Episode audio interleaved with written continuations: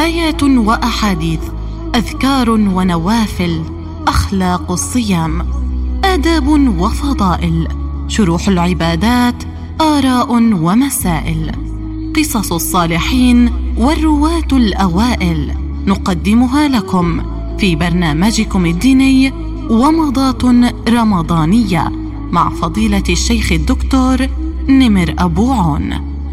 أخطاء في الصوم كلما كان الصوم موافقا للأحكام الشرعية والآداب المرعية كلما كان أكثر ثمرة وأعظم أجرا. وهناك بعض الأخطاء الشائعة التي ينبغي للصائم التنبه لها والحذر منها. اولا عدم إدراك البعض لفضائل هذا الشهر الكريم فيستقبلونه كغيره من شهور العام. وقصار اهتمام بعضهم أن يستقبله بشراء الأطعمة والمشروبات بدلا من الاستعداد للطاعة والاقتصاد ومشاركة الفقراء والمحتاجين. ثانيا التأفف من دخول شهر رمضان وتمني ذهابه وسرعة زواله وذلك لما يشعر به من ثقل الطاعة على نفسه والحد من شهواتها. ثالثا عدم التفقه في أحكام الصيام وعدم السؤال عنها. فإن صوم رمضان فريضة وعبادة يجب على المسلم أن يعرف كيف يؤديها على الوجه الصحيح المقبول. رابعا عدم تجنب المعاصي أثناء الصيام. فتجد الصائم يتحرز من المفطرات الحسية كالأكل والشرب والجماع لكنه لا يتحرز من الغيبة والنميمة واللعن والسباب والنظر إلى المحرمات. خامسا ترك بعض السنن ظنا بعدم شرعيتها. حال الصيام كترك المضمضه والاستنشاق خوفا من وصول الماء إلى الحق مع أن المنهي عنه إنما هو المبالغة التي يخشى معها وصول الماء إلى الجوف. سادسا ومن هذا القبيل تحرج البعض من بلع الريق في نهار رمضان. سابعا تعمد الأكل والشرب مع أذان الصبح